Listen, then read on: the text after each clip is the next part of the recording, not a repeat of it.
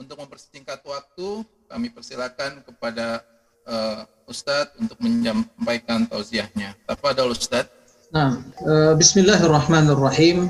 Alhamdulillahirabbil alamin wassalatu wassalamu ala asyrafil anbiya'i wal mursalin nabiyina Muhammadin wa ala alihi wa sahbihi ajma'in wa man tabi'ahum bi ihsanin ila yaumiddin amma ba'd. Bapak Ibu sekalian yang dirahmati Allah tabaraka wa taala, alhamdulillah segala puji dan syukur senantiasa kita haturkan kehadir Allah tabaraka wa taala yang alhamdulillah uh, sampai saat ini kita tidak terputus dari nikmat dan karunia Allah. Dalam keadaan sehat walafiat keluarga istri ya anak orang tua karib kerabat insyaallah semuanya alhamdulillah keadaan sehat dan juga senantiasa mendapatkan kemudahan dan pertolongan dari Allah di dalam menjalani ya aktivitas hidup kita sebagai hamba atau profesi yang kita jalani yang semua hal itu kita niatkan untuk mendapatkan kebaikan di sisi Allah taala. Dan alhamdulillah ya, setelah kita melewati 10 pertama bulan Dzulhijjah kemudian kita diberi kemudahan untuk ya melewati Idul Adha insyaallah banyak di antara kita yang telah berkorban.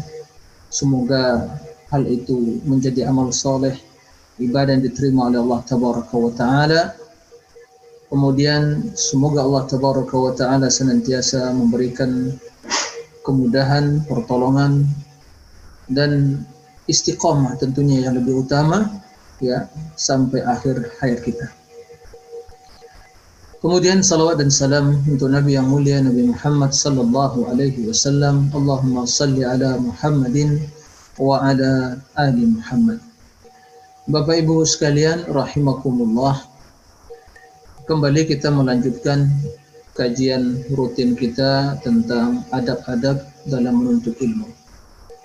Akan tapi sebelumnya saya ingin mengingatkan kita kembali ya tentang pentingnya kita belajar terutama yang berkaitan dengan masalah akidah, keimanan dan tauhid pada Allah Tabaraka wa Ta'ala. Karena perkara akidah adalah perkara yang telah baku perkara yang tidak ada di dalamnya ranah untuk berijtihad.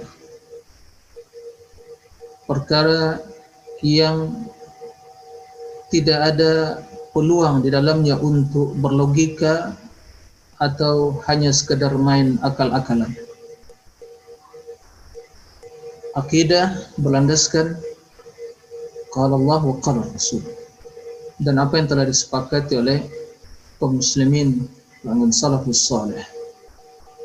Akhir-akhir ini viral di media sosial pernyataan-pernyataan yang menyelisihi akidah ahli sunnati wal jamaah yang mengatasnamakan akidah ahli sunnati wal jamaah.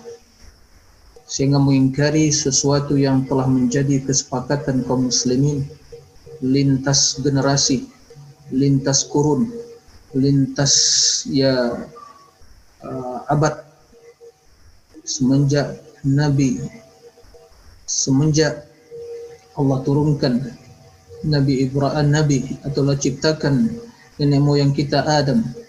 Yang pertama ditempatkan di surga kemudian diturunkan. Ya.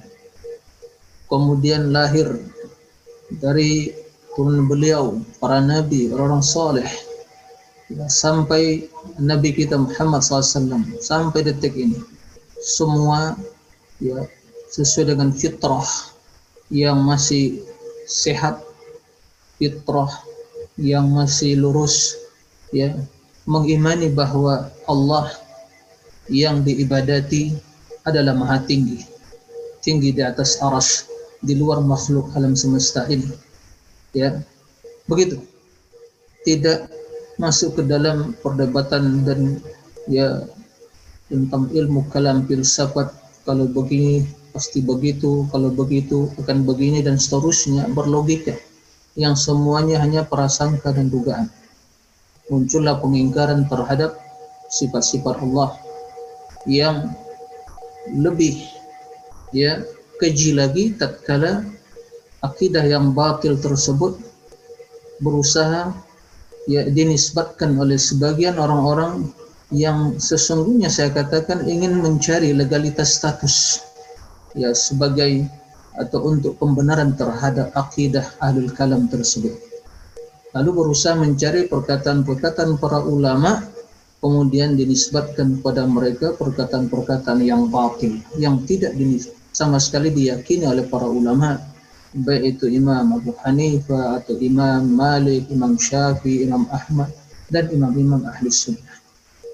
Yang lebih ya keji lagi tatkala berusaha ya mencari legalitas dengan ya mencari perkataan-perkataan ahlul kalam bila kalangan asyairah yang dikemas dalam bentuk ya eh, ijma, konsensus, ya kesepakatan dan yang lainnya. Ini adalah perkara ya saya melihat merupakan hasil dari konsep takwil yang melahirkan kegoncangan dalam metodologi berpikir dan berakidah ya yang dibangun di atas persepsi ya yang negatif pada Allah tabaraka wa taala.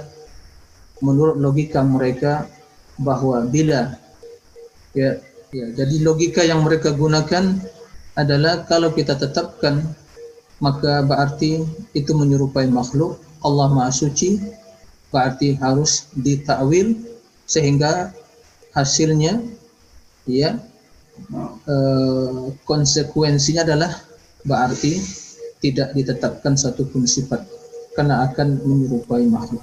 Ini betul ya eh, pola pikir dan konsepsi yang atau konsep berpikir yang nyeleneh dalam berakidah. Hmm. Baik. Baik. Alhamdulillah ya. Kembali kita lanjutkan pembahasan uh, tentang adab talibul ilmi. Taib.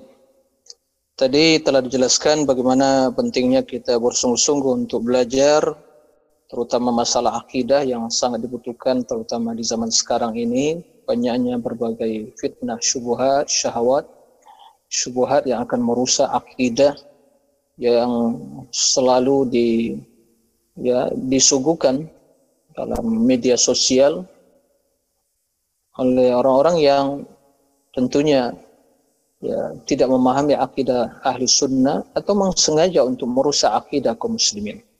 Nah, dan tadi kita dengar alhamdulillah ada sesi khusus atau kajian khusus tentang masalah akidah. Ya, uh, itu berkaitan yang saya dengar tadi berkaitan dengan masalah ya tauhid uluhiyah. Dan juga tak kalah pentingnya uh, kalau dibahas masalah tauhid asma wa ini lebih seru lagi. Ya, masalah asma wa itu lebih seru lagi. Ya dan luar biasa. Dan karena itu berkaitan dengan ya bagaimana kita mendekatkan diri kepada Allah yang memahami keagungan dan kebesaran Allah uh, lewat nama-nama dan sifat-sifat Allah. Ya. tapi kalau cara ahlul kalam ya tentunya semakin sulit. Ya berat kata mereka. Memang ya cara ahlul kalam main akal-akalan ya akan menjadi berat tapi dengan syariat akan menjadi mudah. Taib. Uh, tentu itu pembahasan yang panjang, tapi agar kita lebih ya uh, lebih konsentrasi dalam pembahasan uh, materi kita tentang masalah adab dalam talibul ilmi. Masih berkaitan dengan adab yang harus dimiliki oleh seorang penuntut ilmu. Ya, sampai kita pada pembahasan yang keenam yang berkaitan dengan qanaah az-zahadah. Yang ke tujuh Ustaz. Uh, yang yang terakhir yang keenam ya. Yang terakhir keenam. Iya. Hmm. Ya, nah. Tentang masalah qanaah dan zuhud. Ya. Baik. Kemudian yang ketujuh disebutkan di sini oleh pengarang dan dalam ringkasan dari kitab Hilyatul Talibi Ilmin ini yaitu at-tahalli bi ilmi yaitu uh, at-tahalli itu menghiasi diri. bi ilmi itu dengan keindahan ilmu ya, kemuliaan ilmu. Jadi seorang talibul ilmi bila dia belajar ya atau dalam uh, tahapan dia belajar dan terus dalam perjalanan menuntut ilmu maka hendaknya dia selalu menghiasi dirinya dengan keindahan akhlak-akhlak yang dilahirkan oleh ilmu tersebut. Ya kemuliaan jiwa kesucian hati ke akhlak yang uh, mulia sopan santun ya ketundukan kekhusyukan dan juga yang uh, memiliki kesantunan yang sakinah wal hadiyus salih penampilan yang baik nah husnus samti samti itu ya perilaku ya wal hadiyus salih yaitu hadiyus salih yaitu uh, cara hidup seseorang yang baik ya hadiyus salih min dawamis sakinah. Kemudian dijelaskan oleh beliau min dawamis sakinah wal waqar. Jadi penuntut ilmu itu berbeda dengan kebanyakan ya uh, manusia yang jauh dari ilmu. Seorang talibul ilmi tampak dalam penampilan dia itu as-sakinah al-waqar. Yaitu orang yang sakinah. Sakinah itu yang selalu memiliki sifat ya uh, yang uh, mungkin yang lebih pas istilahnya itu orang yang selalu santun. Wakar sakinah. Dia tidak mudah terprovokasi. Nah, orang yang dalam hidup selalu tenang ya. Dalam ucapan dalam perilaku apa pun yang terjadi yang berusaha untuk ya, memprovokasi dia atau untuk uh, mempengaruhi sikap dia atau untuk memancing gitu ya emosional dia dalam emosional yang negatif tentunya. Kalau yang positif harus ya. Maka dia tidak terprovokasi. Tenang. Ya. Itu yang. Karena ilmu mengajarkan kepada dia sikap demikian itu. Dalam bertutur kata dalam berperilaku, dalam bermuamalah, itu semua. Nah, dalam berbicara dia selalu mempertimbangkan ya perkataannya apakah akan melahirkan kebaikan atau malah sebaliknya. Begitu. Kemudian al-khusyu' ini di antara akhlak-akhlak yang mulia yang dilahirkan dari ilmu khusyuk yang ini berkaitan dengan masalah hati, kekhusyukan. Kemudian tawadhu. Luzumul mahajjah, luzumul mahajjah yang selalu mengikuti jalan yang benar. Bi imaratil zahir wal batin yang selalu memakmurkan dirinya yang zahir dan batin. Artinya yang selalu menghiasi dirinya lahir batin dengan akhlak yang mulia tadi. Batinnya dia hiasi dengan keikhlasan, kecintaan, pengagungan, ya, tawakal kepada Allah, wal zahir dengan penampilan yang sesuai dengan sunnah-sunnah Nabi. Nah, begitu. Begitu dia menghiasi dirinya lahir dan batin. Wa takhalli min awaqidiyah. Takhalli itu berlepas diri atau melepaskan ya, membersihkan diri dari hal-hal yang bertentangan dengan akhlak-akhlak yang mulia tadi. Ini harus ya. Dalam dunia sekarang ini kita hidup di dunia ya uh, dunia nyata dan dunia maya sering kali seorang yang lepas kontrol dalam sikap dan ucapan. Bahkan komentar-komentar yang kita baca dari berbagai komentar ya. Apalagi ya mereka yang mungkin pernyataan-pernyataan yang membuat sesak ya dada dia dan juga ya panas kepala dia. Karena ya betul-betul menghina Islam mungkin atau bertentangan dengan akidah yang benar. Jadi membuat seorang itu ya apa namanya itu bangkit emosional dia. Nah, sering kali kita mendapatkan terjadi perdebatan atau komentar yang tidak baik. Ya. Hanya pelampiasan, tapi bukan dengan ilmu. Nah ini jelas tentunya seorang talibul ilmi harus meninggalkan hal seperti itu. Kalau berbicara, berbicara dengan ilmu. Kalaupun dia diam, dia diam dengan santun. Nah begitu. Kata para ulama, imma an tatakallama bi'ilmin au taskut bihilmin. Ya. Kata para ulama, ya, engkau berbicara dengan ilmu atau diam dengan santun gitu ya. Nah ini seorang talibul ilmi seperti itu. Kemudian di antara ya hal yang harus kita perhatikan di dalam talibul ilmi yaitu kata beliau uh, tahalli bil muru'ah. Nah ini muru'ah. Kita sering mendengar kalimat muru'ah. Al-tahalli bil muru'ah yaitu selalu menghiasi diri dengan muru'ah wa ma yahmilu ilaiha dan hal-hal yang akan uh, mendatangkan muru'ah tersebut berupa apa? makarimul akhlak akhlak yang mulia talaqatul wajhi wajah yang ceria berseri-seri gitu ya wa ifsa'us salam menebarkan salam. Wa tahammulin nas sabar dalam menghadapi ya, berbagai uh, sikap perilaku manusia.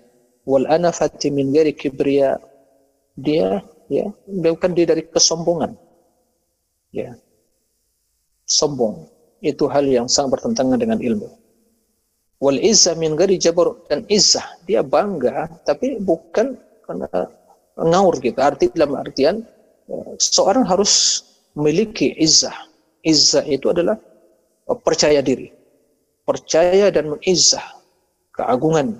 Karena ilmu kebenaran dan dia pelajari ya. Tapi dia tidak angkuh tidak sombong.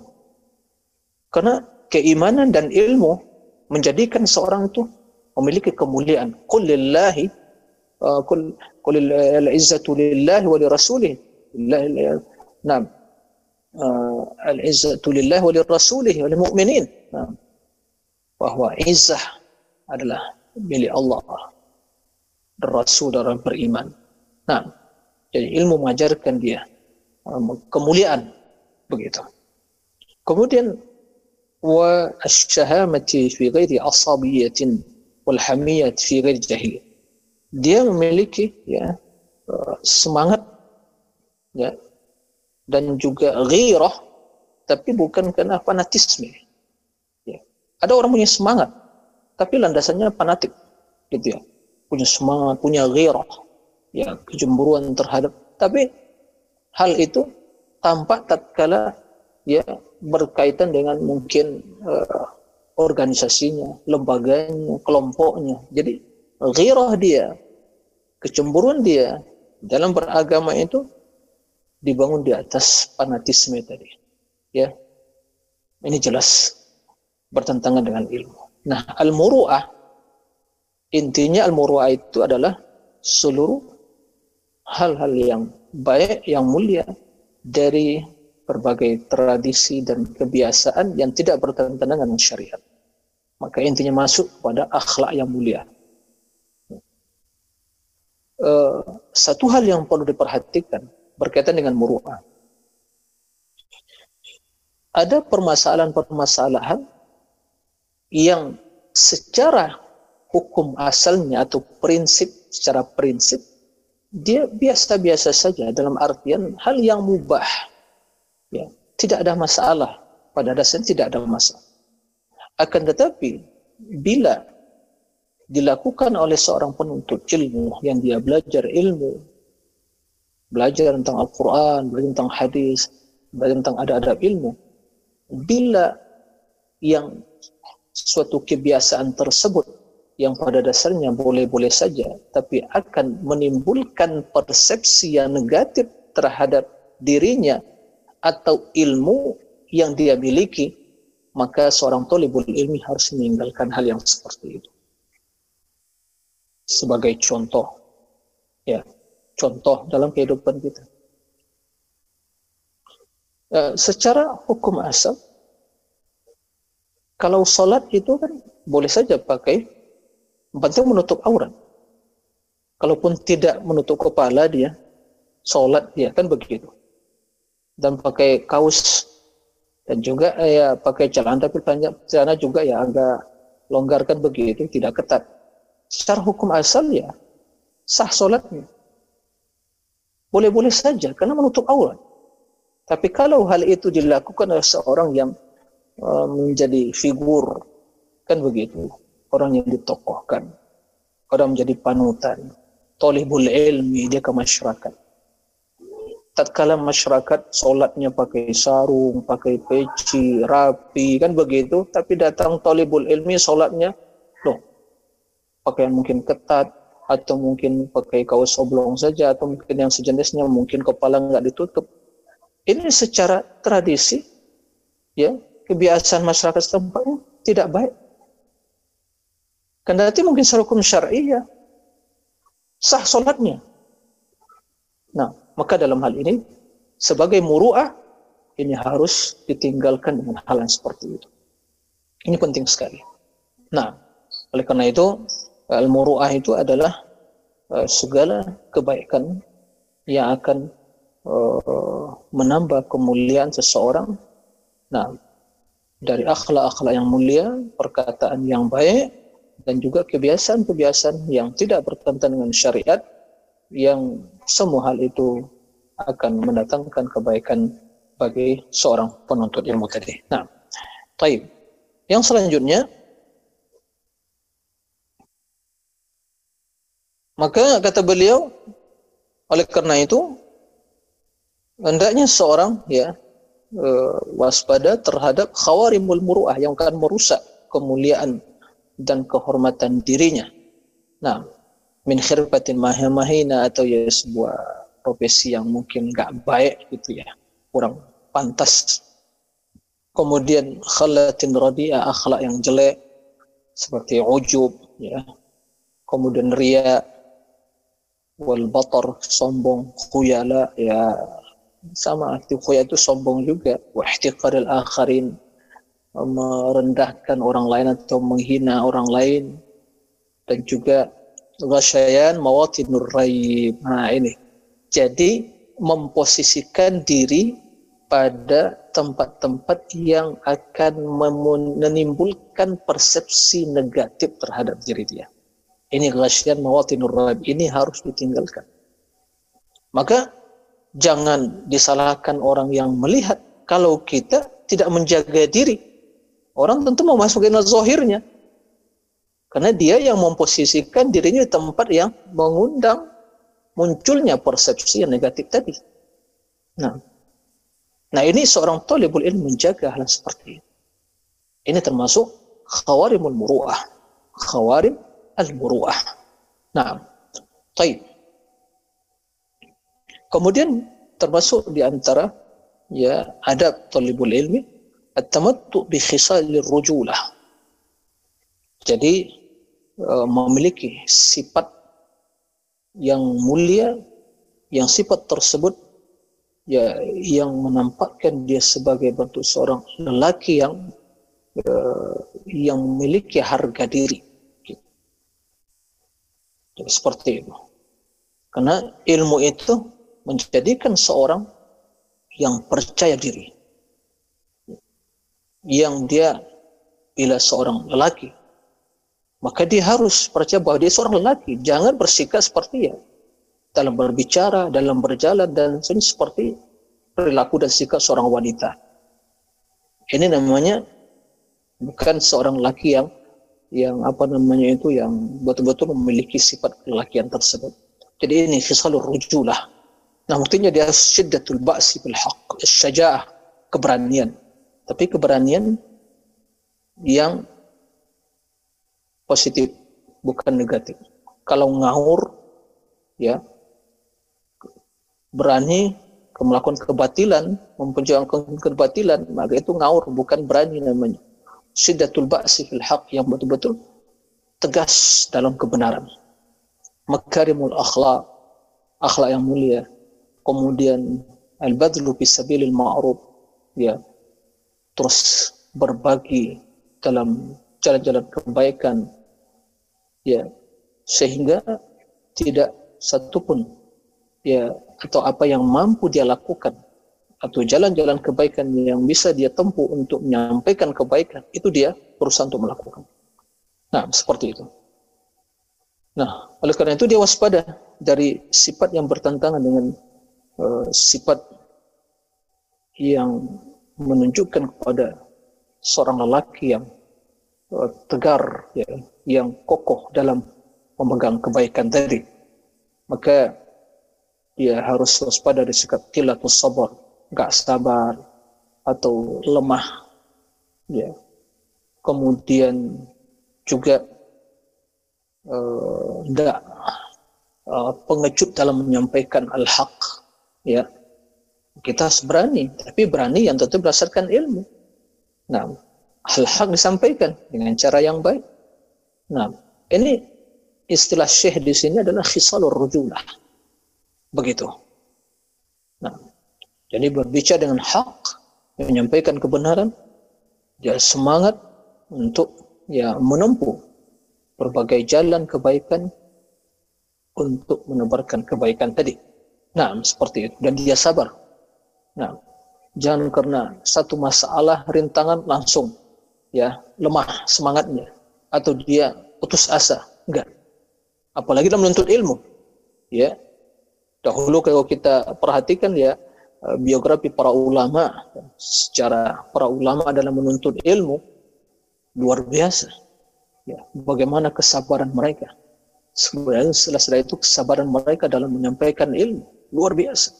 Ya satu hadis saja mungkin Bapak Ibu Bapak Ibu sekalian dah mendengar bagaimana sahabat atau para ulama datang dari tempat yang jauh perjalanan satu bulan perjalanan hanya untuk mendapatkan satu hadis. Subhanallah.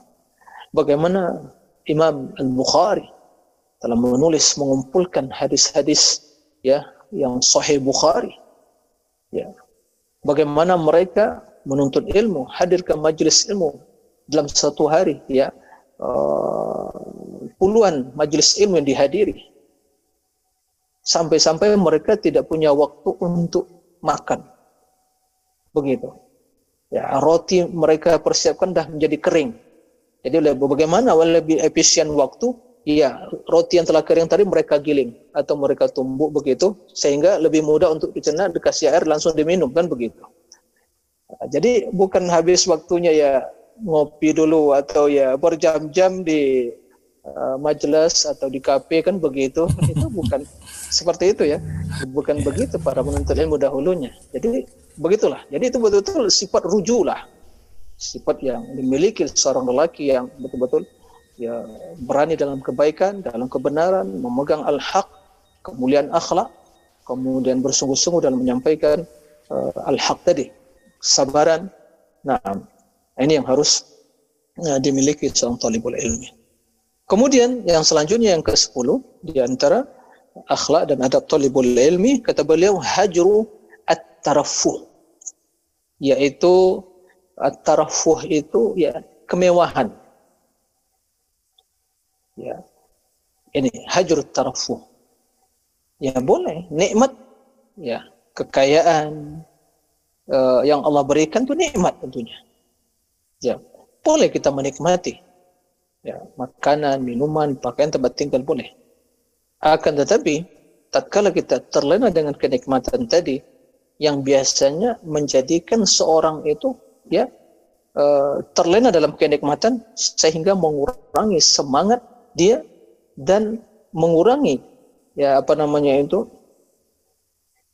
uh, semangat untuk atau kemampuan di dalam menghadapi tantangan hidup.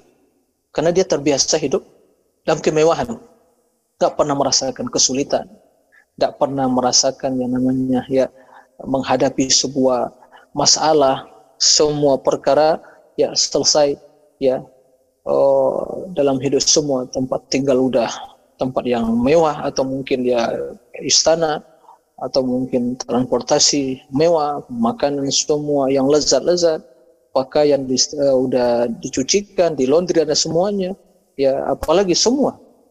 Yang penting dia tinggal menikmati. Nah, seorang talibul ilmi jika kondisinya dalam menuntut ilmu hidup dalam kondisi seperti itu, itu biasanya akan mengurangi ya semangat dan azimah dia dalam talibul ilmi karena dia terbiasa dirinya terbiasa hidup kemewahan tadi. Maka di antara talibul ilmi, ya sifat itu menjaga kesederhanaan dalam hidup. Bukan dia tidak boleh menikmati ya, nikmat yang Allah berikan, tapi dia tidak terus terlena dalam kemewahan tadi. Nah, oleh karena itu, ya di sini saya menyebutkan la tastarsil fit tana'um Jangan terus menerus tenggelam dalam kemewahan tadi. Ini yang terus terus menerus, ya. Dan itu sangat ya efeknya kepada perkembangan baik itu dalam pola pikir atau juga fisik dan juga ya sifat dan perilaku itu sangat berpengaruh. Nah, sangat berpengaruh. Sementara menuntut ilmu membutuhkan kesabaran, perjuangan, Bila seorang hidup dalam kemewahan terus, dia tidak merasakan kesulitan, maka nggak mampu dia menghadapi kesulitan menuntut ilmu tadi. Nah, ini yang oleh karena itu sebagian hadis katakan fa innal badadata minal iman. Eh, badadah di sini minal iman adalah bahwasanya sesungguhnya kesederhanaan tadi yang di seorang kadang merasakan sulit atau dalam uh, pakaian dan yang lain itu hal yang bukan pakaian yang semuanya ya uh, serba look semua begitu ya itu bukan badadah karena dengan kondisi seperti itu seorang akan sering lupa terhadap ya nikmat tadi. Ya. Lupa dia untuk mengintrospeksi diri. Dan sering kali juga melupakan dia itu terhadap ya Uh, syukur dan nikmat. Karena dia merasa kenikmatan terus. Nah, manakala seorang merasakan kesulitan, merasakan mungkin ya kesempitan dalam hidup dan kesulitan dalam hidup, mendapatkan tantangan dalam hidup, itu sering kali ya dalam kondisi seperti dia ingat kepada nikmat dan semakin bertambah syukurnya. Karena ternyata kalau kita ingin jujur, nikmat itu baru kita rasakan betul nikmat tatkala kita kehilangan atau kekurangan. Betul nikmat. Dalam masalah makan saja. Makan itu baru nikmat ya tatkala kita betul lapar. Tapi kalau disuguhkan makanan yang paling lezat ya, yang paling lezat tapi perut kita kenyang. Ya, sesuap nasi pun tak akan kemakan. Kenapa? Karena lagi kenyang, nggak ada nikmatnya. Hmm. Nah, betul. Itu realita kehidupan kita. Ya, sekarang ini dalam zaman pandemi sekarang sekarang ini orang merasakan bagaimana nikmatnya kesehatan tadi. Ya, dan bagaimana nikmat rezeki tadi kelapangan rezeki dan kemudahan dalam berusaha, dalam beraktivitas. Nah, ini semua ada hikmahnya agar kita ini semakin sadar bahwa hidup ini bahkan roda yang berputar dan setiap perputaran roda kehidupan tadi harus kita hadapi dengan ubudiyah yang khusus dan setiap fase kehidupan tadi. Ya, jangan terlena kita.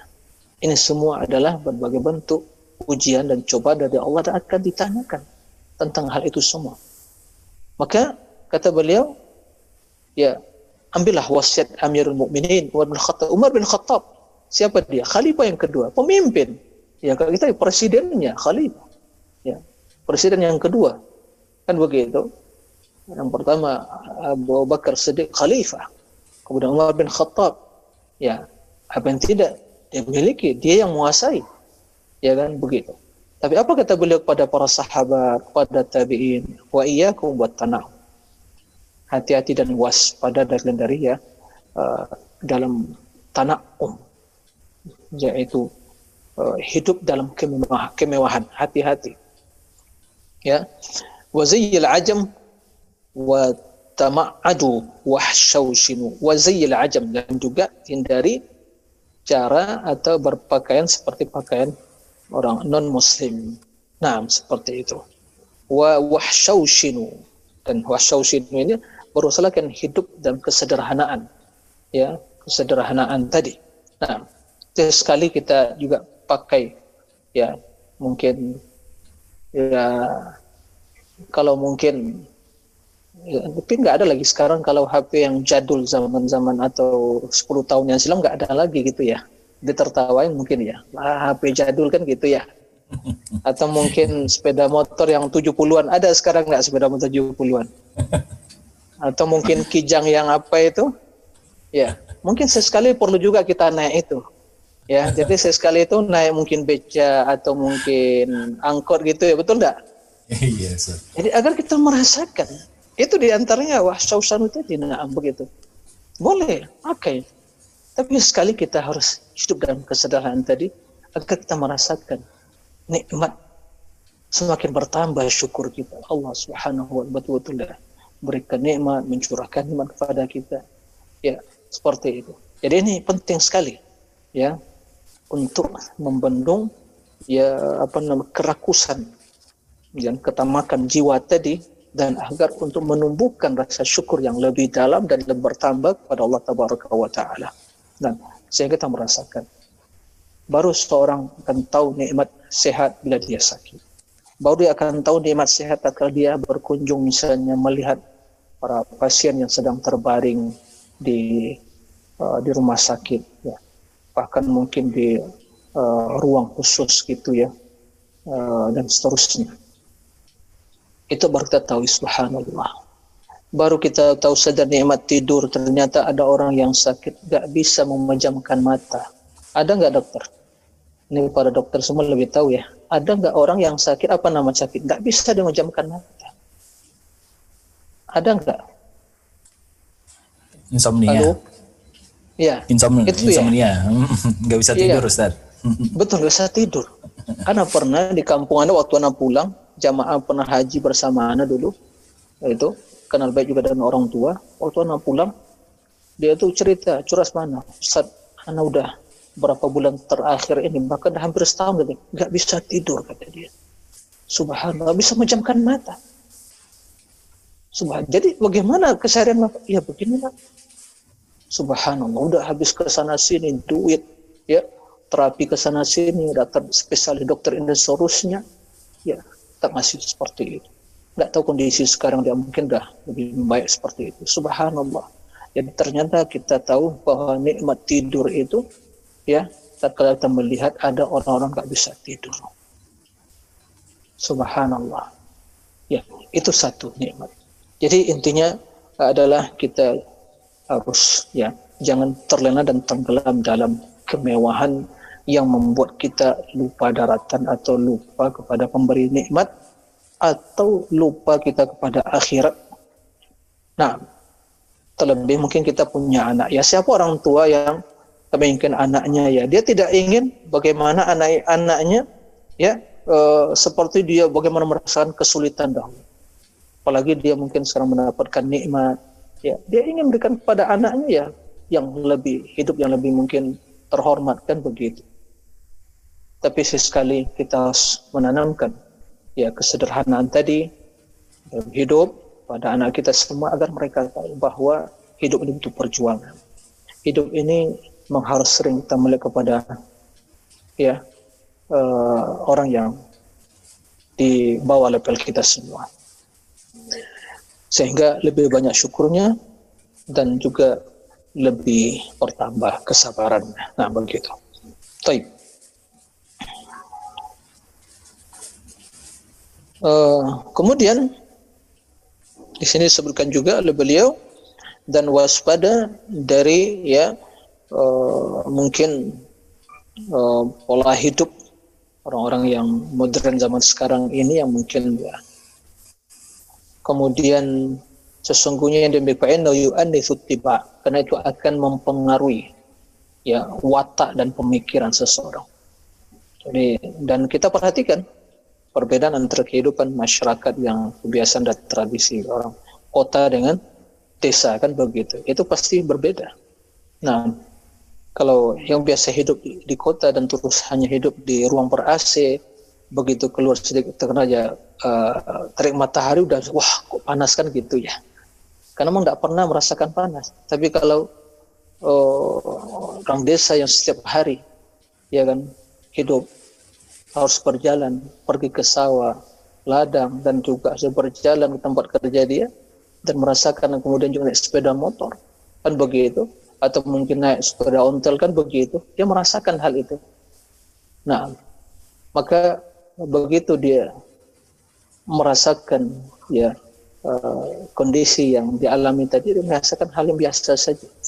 Nah ini perbedaan tentu itu akan mempengaruhi ya tiba yaitu perilaku sikap dan juga ya karakter seseorang nah uh, itu kesimpulan dari yang disampaikan. Kemudian juga dalam berpakaian kata beliau, ya, fakun hadiran fi libasik li'annahu yu'abbiru li ghairika an taqwimik fil intima wa takwin. Kalau beliau waspada dalam berpakaian karena sesungguhnya pakaian itu adalah cerminan. Ya, cerminan dan itu adalah sebagai media untuk media komunikasi dalam uh, menyampaikan informasi kepada orang yang melihat tentang kepribadian kita dan loyalitas kita kan begitu. Seperti kita melihat kalau mungkin bapak bapak ibu para dokter semua kalau mungkin lagi praktek kan begitu pakai pakaian yang khusus ya medis kan begitu. Itu kan begitu orang melihat oh ya ini pak dokter kan gitu ya. Tapi coba kalau mungkin uh, ke masjid ya, ya kan betul nggak ke masjid iya orang kalau dia tidak kenal sebelumnya nggak tahu kita dokter kan gitu Nah, jadi seperti itu. Jadi kalau kita memakai pakaian, itu pakaian itu adalah sebagai media, itu komunikasi yang yang memberikan informasi secara langsung kepada orang yang melihat tentang kepribadian seseorang. Kan begitu. Nah, ini sangat uh, penting diperhatikan. Nah, uh, masalah pakaian, masalah penampilan, dan seperti itu. Sampai hal demikian itu diperhatikan oleh para ulama. Karena seorang tahu ilmi harus memiliki penampilan yang berbeda, penampilan yang uh, betul-betul ya uh, menampakkan diri dia sebagai seorang yang uh, dididik oleh ilmu tadi. Nah, seperti itu. Karena itu betul bilang, "Wanas yusannifunaka bin libas." Manusia itu menggolongkanmu kepada uh, golongan mana ya kepada mungkin uh, komunitas mana dengan pakaiannya begitu begitu juga kaifiyat telupsi cara memakai pakaian tadi juga akan memberikan pada yang melihat ya uh, tasni pelabis yaitu uh, yang memakai pakaian tadi ini termasuk dari komunitas yang mana ini nah itu semua itu uh, pasti akan memberikan pengaruh dan persepsi positif atau negatif. Nah, maka ambillah pakaian yang akan menghiasi dirimu. Jangan sampai ya menanamkan persepsi negatif terhadap dirimu. Nah, jangan sampai memberi peluang bagi orang yang ingin ya mengatakan sesuatu yang negatif terhadap dirimu dari pakaianmu. Nah, ini penting sekali ini. Begitu juga pada anak-anak kita semua ditanamkan seperti ini. Nah, tanamkan bagi kita pada anak-anak kita misalnya yang mungkin mereka belum balik. Ya kan? Tatkala mungkin zaman sekarang ini, ya zaman ya memang persepsi dan uh, standar ya manusia berbeda. Ya, sebagian orang tua mungkin ya insya Allah kita Allah selamatkan dari seperti itu kita masih melihat ya dia memberikan pakaian kepada anak yang ya perempuan kedati mungkin masih kecil kan begitu ya pakaian mungkin ya keluar rumah mungkin masih ya uh, terlihat mungkin lututnya atau betisnya atau tidak berjibak begitu itu menunjukkan bahwa sejauh mana kepekahan seorang ayah atau ibu dalam melihat menanamkan nilai keislaman pada diri anaknya. Berarti orang bertanya, oh ini bang bapaknya memang tidak perhatian ini, ibunya tidak perhatian, kok anaknya keluar seperti itu. Padahal dari dini harus tertanamkan. Nah, seperti itu juga yang mungkin kalau kita keluar, nah, berpakaian yang mungkin tidak sopan dan yang lainnya, berarti menunjukkan tentang kepribadian seorang tadi. Nah, tapi bila mungkin kita melihat dia gitu keluar anaknya yang belum balik atau yang sudah balik apalagi yang salah balik begitu kalau yang perempuan berhijab kalau yang laki sopan bukan ya pakai celana di atas mat, uh, di atas lutut kan begitu ya bukan celana ya tidur dibawa keluar kan begitu atau pakaian tidur ini menunjukkan bahwa kepribadian yang ada pada keluarga tersebut terutama mungkin sebagai orang tua sebagai ya uh, al-imam, pemimpin di rumah tangga tersebut. Nah, ini semua harus kita perhatikan. Nah, e, barakallahu fikum. Baik, tinggal berapa menit kita apa? Kita lanjutkan? Ya, kayaknya ada yang resen tuh uh, Levi, Devi itu. Oke. Okay. Berarti uh, kita buka untuk apa? Untuk sesi tanya jawab sekarang? Nama Ustaz, tafadhol. Ah, Jadi uh, itulah antara beberapa hal yang mungkin perlu diperhatikan yang bisa disampaikan pada kesempatan kali ini. Insyaallah uh, pekan depan kita selesaikan tentang masalah adab yang berkaitan dengan masalah ya kepribadian seorang penuntut ilmu. Nah, demikian Allahu a'lam. Oke, okay, Ustaz. Ya. Ana ada pertanyaan nih. Nah. Ya. Jadi tadi kan meninggalkan kemewahan ya salah satunya ya. Uh, bagaimana menselaraskannya dengan sebuah hadis yang mengatakan yang bicara masalah pada saat Rasul ditanya tentang kesombongan itu Ustaz. Jadi nah. kan uh, ada seorang yang bertanya uh, tidak akan masuk surga seorang yang dalam hatinya ada semua seberat biji debu. Lalu kemudian uh, seseorang nah. bertanya sesungguhnya setiap orang suka memakai baju yang indah, alas kaki yang indah ya, nah. gitu ya. Apakah nah. ini termasuk kesombongan? Terus Rasul nah. menjawab uh, sesungguhnya Allah Maha Indah dan mencintai keindahan gitu. Bagaimana menselaraskannya dengan anjuran untuk meninggalkan kemewahan yang tadi Ustaz sebutkan? Ya. Jadi uh, Masya Allah pertanyaan bagus sekali ya. Jadi sebenarnya tidak ada yang uh, bertentangan ya dalam apa yang tentang masalah yang disampaikan tadi hajur tarafuh dengan kita memakai atau menggunakan nikmat yang Allah berikan kepada kita dalam kebaikan yang memakai yang baik yang menikmati yang uh, halal ya dengan catatan ya tidak ada kesombongan dalam diri tadi. Jadi begini. Tidak diragukan bahwa Allah Subhanahu wa taala jamilun yuhibbul jamal. Allah Maha Indah dan mencintai keindahan. Nah, dan keindahan ya uh, atau keindahan itu bukan berarti ya itu satu kemewahan kan begitu jadi kemewahan itu ya yang kemewahan dalam artian tentu ya indah tapi keindahan itu bukan berarti mewah gitu ya. Ya seperti itu. Pakaian yang bersih bukan berarti itu baru. Ya dan bersih itu indah itu ya. Jadi di situ. Nah oleh karena itu tidak ada pertentangan sehingga dalam hadis tadi sebutkan nama Allah jamilun yuhibbul jamal. Allah uh, indah dan memiliki keindahan. Akan tapi permasalahan yang dijelaskan oleh Syekh adalah bahwa seorang yang hidup dalam kemewahan yang terus menerus itu pasti akan ya membentuk kepribadian yang uh, uh, apa namanya itu yang lemah dan tidak siap dalam menghadapi tantangan dan kesulitan. Nah, ilmu membutuhkan apa? Kesabaran. Ilmu membutuhkan betul perjuangan. Kan begitu. Nah, seperti itu ilmu dapatkan buat-buat makanya dalam sebagian perkataan para ulama yang pernah kita sampaikan seperti Yahya bin Abi Kathir mengatakan la yustata' al-ilm bi rahatil jism. Ilmu itu enggak didapatkan dengan apa? Ya, fisik yang yang tenang, yang santai. Nah biasanya kemewahan itu itu membentuk kepribadian yang seperti itu. Nah, oleh karena itu bukan tidak ada ya para, para ulama itu ada yang itu mereka kaya punya harta. Dia bisa berbuat maka hewan tadi seperti Imam Ibnu Mubarak, ya kan? Imam Ibnu Mubarak dan sahabat Utsman bin Affan punya harta dan dia bisa mendapatkan kemewahan tadi. Tapi mereka tidak mau hidup dengan cara seperti itu. Kenapa? Karena kemewahan tadi sering kali membuat seseorang lupa atau sering kali me membuat atau merubah sikap dan kepribadian dan watak seseorang. Begitu, sehingga lemah di secara kepribadian.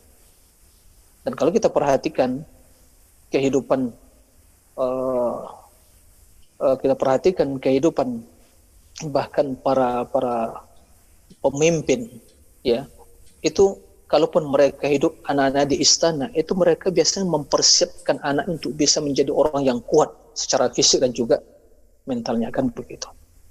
Dilatih seperti itu. Mereka tidak mau juga hidupkan hati mereka dalam kemewahan karena mereka tahu pemimpin itu harus berani memiliki ya, kepribadian yang kuat, kesabaran. Dan dia, dia, dia anaknya. Nah, seperti itu. Dan itu biasanya kita melihat, kita melihat seperti itu. Nah, ini menunjukkan kepada kita bahwa terus tenggelam dalam kemewahan ya sering kali membuat seorang lupa atau mempengaruhi perilaku dan sikap. Nah, watak ya uh, dia kepribadian dan itu sering kita dapatkan. Tapi ini juga kembali kepada bagaimana ya seorang yang Allah berikan kemewahan tadi uh, bisa uh, apa namanya itu uh, terus memperingatkan anaknya dan dia terus memperingatkan dirinya dan dia sekali sering atau mungkin sering untuk bisa uh, melakukan atau perbandingan agar terjadi ya uh, apa namanya itu persepsi yang berbeda dari apa yang selama dia alami dengan kondisi yang dia lihat sehingga terjadi perbandingan di sana muncullah suatu ya sikap yang uh, stabil begitu. Tidak terus tenggelam kemewahan dan juga tidak ya uh, tinggal atau tidak juga selalu dalam uh, kesulitan sehingga dia tidak bisa juga berbuat secara maksimal untuk yang lebih uh, yang lebih baik nah, seperti itu itu mungkin yang uh, bisa saya sampaikan dalam menanggapi uh, hadis tadi nah wallahu a'lam Amin Ustaz. Jazakallah khair. Uh, ada pertanyaan Ustaz. Nah. Puan Ustadz mau bertanya di luar topik, bagaimanakah adab zikir pagi petang? Apakah nah. boleh dibaca sambil melakukan aktivitas pagi, seperti misalkan menyiapkan sarapan, mencuci piring? Apakah memang harus dibaca dengan duduk saja? Nah. Uh, hukum asal beribadah tentunya ya sesuai dengan kemampuan kita. Wattaqullah mastata'tum. Ya. Wattaqullah mastata'tum uh, tidak diragukan bahwa yang idealnya seperti kaum lelaki yang mungkin ya, sholat berjamaah di masjid. Nah, itu yang idealnya adalah begitu dia selesai sholat subuh, kemudian setelah zikir setelah sholat, maka dia duduk di musallanya, tempat sholatnya sambil berzikir. Itulah kesempatan yang baik untuk mengucapkan zikir di pagi hari. Nah, setelah itu, setelah terbit matahari, dia sholat ya syuruk ya atau mungkin sebagian menamakan itu sholat duha ya terlepas dari perbedaan tadi dari intinya itulah kesempatan yang baik. Fasabbihuhu bukratan wa asilah. Nah uh, bukratan wa asilah. Pagi dan petang hari. Nah, begitu di sore hari. Tapi melihat kondisi seorang seandainya dia sesubuh dia mengharus uh, bersegera bergegas untuk mempersiapkan diri. Karena mungkin kantor yang mungkin jarak antara rumah dan kantor mungkin seperti itu ya harus butuh waktu yang lebih cepat keluar dari rumah maka dia bisa dari selesai sholat dia pun jarak mungkin jalan dari rumah dari masjid ke rumah atau mungkin naik sepeda motornya atau mungkin yang sejenisnya dia bisa manfaatkan hal itu. Ya manfaatkan hal itu. Ya dia baca ayat kursi kemudian Allahu ahad qul a'udzu falaq kemudian zikir-zikir yang lain. Begitu juga mungkin di rumah, ya ibu-ibu yang di rumah mungkin begitu selesai subuh mempersiapkan uh, sarapan pagi untuk suami atau mungkin anak-anak dan yang lainnya, sambil mungkin ya, atau apa namanya itu sarapan dan ser bisa ya kan? Bisa baca karena ya membaca dengan lisan itu kan tidak butuh ya waktu yang spesial ya, seperti itu.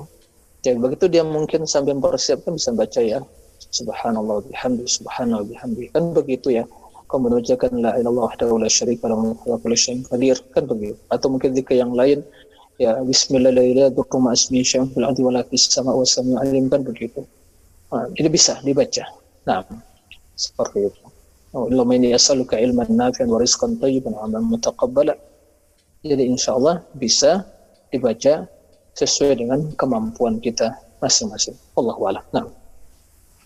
Jazakallah khair. Uh, pertanyaan lain dari ini Fajri, Bismillah Ustadz, jika seorang penuntut ilmu difitnah nama baiknya dan tidak ada satu pihak pun yang berusaha mentabayunkan kepadanya, sebaiknya tolebil ilmu tersebut diam dan bersabar atau menyampaikan hujah atas dirinya. Barakallah. Nah, Ya, eh, permasalahan ya eh, dituduh atau difitnah ini merupakan bagian dari ya eh, cobaan yang dihadapi seseorang. Karena biasanya eh, setiap yang memiliki nikmat itu pasti ada yang hasad. Nah, jadi setiap yang memiliki nikmat itu ada orang yang hasad. Dan kalau kita baca kehidupan uh, dari dulu sampai sekarang ini, ulama-ulama yang uh, bagaimana ya uh, mereka yang uh, sampai menjadi tokoh di masyarakat ya itu ternyata persaingan dan juga terjadi hasad di antara mereka itu kita dapatkan terutama lagi tatkala antara yang namanya ahli sunnah dengan ahli bid'ah tadi perseteruan tadi maka mereka akan menebarkan berbagai kedustaan, kebohongan dan mengklaim atau uh, ponis yang negatif berbagai tuduhan tadi. Nah, maka intinya pertama sikap kita selama tuduhan tersebut ya itu adalah tuduhan yang ya hanya tuduhan maka bagaimanapun tentu tidak akan membahayakan diri dan juga agama seseorang itu satu sisi karena apa pun persepsi manusia terhadap diri kita tapi kalau dalam pandangan Allah kita berbeda dari apa yang diproseskan mereka, maka tidak akan membahayakan kita. Kalaupun manusia berkumpul semuanya untuk mencelakakan kita, tapi Allah menjaga kita tidak akan mampu mereka melakukan hal itu. Tapi kalau mau itu betul kedustaan dan itu telah melampaui batas dan itu telah menempat di masyarakat, maka dalam kondisi seperti ini seseorang menjelaskan dengan hujah dan bukti yang nyata bahwa perbuatan tersebut tuduhan telah dusta dan disebarkan.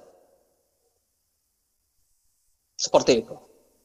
Setelah disampaikan juga tetap yang bersangkutan menebarkan kedustaan, maka tidak ada masalah dalam hal ini, ya. Seorang melalui jalur yang diperbolehkan, bisa jalur hukum, tidak ada masalah, sampaikan. Kalau memang itu, ya. Terlebih lagi kalau seandainya, ya, uh, ini mencela masalah kehormatan diri dan itu sama sekali tentang keluarga dia dan dia dan seterusnya. Yaitu ya pencemaran nama baik begitu. Tidak ada masalah. Kalau dia melakukan nah, klarifikasi dan menjelaskan. Nah seperti itu. Nah agar eh, orang-orang uh, yang menebarkan ya tuduhan dusta atau yang kejian tadi itu ya tutup mulut atau ya uh, menghentikan berbagai pernyataan di berbagai media seperti itu. Jadi intinya melihat kemaslahatan dan juga ya maslahat dan sisi mafsadah dan juga eh, apakah ini beda lagi sisi lain? Apakah ini yang berkaitan tuduhan tadi disebabkan seorang itu menebarkan kebenaran? Atau sebatas uh, semata-mata tuduhan itu pada dirinya sendiri bukan berkaitan dengan kebenaran yang disebarkan Biasanya Nabi Shallallahu Alaihi Wasallam, sifat Nabi Shallallahu Alaihi Wasallam, kalau berkaitan dengan kezaliman terhadap dirinya pribadi, dia maafkan. Hmm. Tapi kalau berkaitan dengan agama Allah, nggak ada kata maaf di sini. Berkaitan dengan Allah Subhanahu Wa Taala harus jelaskan itu kebatilan, disampaikan hujah, jelaskan kebatilan-kebatilan argumentan dengan hujah karena berkaitan dengan Allah. Tapi sering kali nih sering kali seorang maka ini perlu sangat hati-hati sekali. Seringkali seorang tatkala di awalnya mungkin loh enggak ini adalah pencemaran agama Allah dan penistaan. Tapi sering kali dia tatkala mengambil sikap itu ternyata itu adalah sering kali untuk membalas ya yang kepuasan batin dia Nah ini berbeda lagi nih, ini udah berubah niatnya. Awalnya mungkin dia kena ini agama Allah, tapi ternyata mulai di sana ya caci maki yang udah di luar dari koridor din tadi. Jadi memang dalam hal ini sangat penting harus hati-hati sekali. Nah seperti itu. Jadi memang ini harus butuh ya uh, apa sikap yang bijaksana dan juga pertimbangan uh, tentang maslahat dan mafsadah dan juga membedakan mana ini masalah tentang masalah agama atau masalah pribadi sendiri seperti itu dan ingat prinsip dalam hidup ini apa pun kata orang tapi selama kita selama kita berada atas jalan al-haq maka kata orang itu tidak akan pernah membahayakan kita dan akan ya mengurangi kedudukan kita di sisi Allah. Karena Rasul sendiri, Rasul sendiri dikatakan apa? Gila. Hmm. Dikatakan apa? Majnun, gila, hmm. yang itu sama ya Majnun, sahir, penyihir hmm. dan syair. Kan begitu ya? Hmm. Hmm. Seperti itu. Itu Rasul. Tapi hal itu semua tidak pernah ya membuat semangat Rasul surut dalam menyampaikan al-haq tapi beliau sampaikan. Bahkan kezaliman mereka dibalas dengan kebaikan, didoakan kebaikan Rasul sallallahu alaihi wasallam sehingga mereka mendapatkan hidayah Seandainya mereka dapat hidayah nggak dapat pahala, tapi begitu dapat hidayah mereka ya dapat apa? Transfer kebaikan terus menerus kan begitu. Hmm. Jadi memang uh, beda ya sisi pandang kita. Orang yang melihat sisi pandang yang ukhrawi, yang kebaikan bukan sebatas dunia, eh, sekedar hanya melampiaskan kepuasan ya dirinya. Berarti udah terlampiaskan amarahnya. Nah, ini beda tentunya sekali lagi ini juga kembali kepada ya tingkat pemahaman dan keilmuan seseorang di dalam memahami ya nilai-nilai atau perjalanan jalan perjalanan takdir yang dihadapi dalam hidup ini. Sesungguhnya kalau kita betul kembali kepada takdir dan kembali introspeksi diri, sesungguhnya pasti itu ada kebaikan dan hikmahnya. Pasti ada hikmahnya. Ya, pasti ada hikmahnya. Seperti itu. Maka pandai-pandailah kita mencari hikmah tadi untuk mengintrospeksi diri agar kita ini lebih baik naam dan lebih mendekatkan diri kepada Allah karena Allah mengatakan wa ma asabakum musibatin fa bima kasabat aydikum. Kak satu pun musibah cobaan pasti itu akan juga ulah tangan kalian juga. Oh, Syekhul Islam dalam menyikapi ya bagaimana uh, sikap dan perilaku manusia atau menghadapi berbagai kezaliman yang dilakukan manusia kepada seseorang menyebabkan ada 20 ya tips caranya ya menghadapinya itu kalau kita perhatikan satu persatu itu semua akan mendatangkan kebaikan bagi seorang yang mungkin dia dizolimi tadi. Subhanallah. Dua. Itu 20 nah mungkin malam ini kita bahas satu persatu. Mudah-mudahan luar biasa. Ya jadi nah itu dalam risalah khusus as-sabr. Ya risalah sabr. Dari risalah tentang masalah sabar. Begitu. Itu bagus sekali dalam hidup ini. Nah demikian Allah mungkin menyambung pertanyaan tadi Ustadz ya, uh, ya. tadi di poin 7 atau 8 kalau saya tidak salah nah. ada diam dengan santun dan ya. bicara uh, tapi kan kita juga diajarkan bicara dengan santun juga betul kedua hal ini sebenarnya kita perlu cukup cerdas untuk kemudian memilih mana poin sesuai kasus barangkali begitu ya. Betul. Nah, memang semuanya harus dengan ilmu dan santun. Makanya ilmu dan santun tadi, ar-rifq. Ya, hmm. mungkin istilah lain al-hilmu war rifq. Dan ilmu itu kalau disertai dengan sifat santun tadi itu semakin ya uh, indah dan semakin uh, mengena ya dan semakin uh, terasa efeknya dalam uh, uh, apa nama uh, apa namanya itu yang seorang yang ingin kita sampaikan ilmu kepadanya. Maka Nabi Shallallahu Alaihi Wasallam mengatakan makana arifku fi illa lazana wa ma nuzi'a an syai'in illa syana tidaklah sikap lemah lembut santun ya ramah dan kasih sayang gitu menyertai sesuatu kecil akan semakin indah semakin baik tapi kalau udah hilang ya hanya disertai sifat kasar sifat ya mungkin ya kasar lah mungkin sifat aku dan yang selainnya maka itu akan menjadi jelek. Nah, jadi al-hilmu di sini karena ada orang-orang yang diam bukan karena salah, tapi diam karena terpaksa menghas diam dia. Tapi hatinya menggerutu gitu. Tuh enggak? Ada nggak seperti itu? Karena dia oh, uh, gitu. tapi dia diam uh, oh, gitu ya. Udah gitu kan dia kalau mau gemes gitu apa namanya istilahnya kan begitu.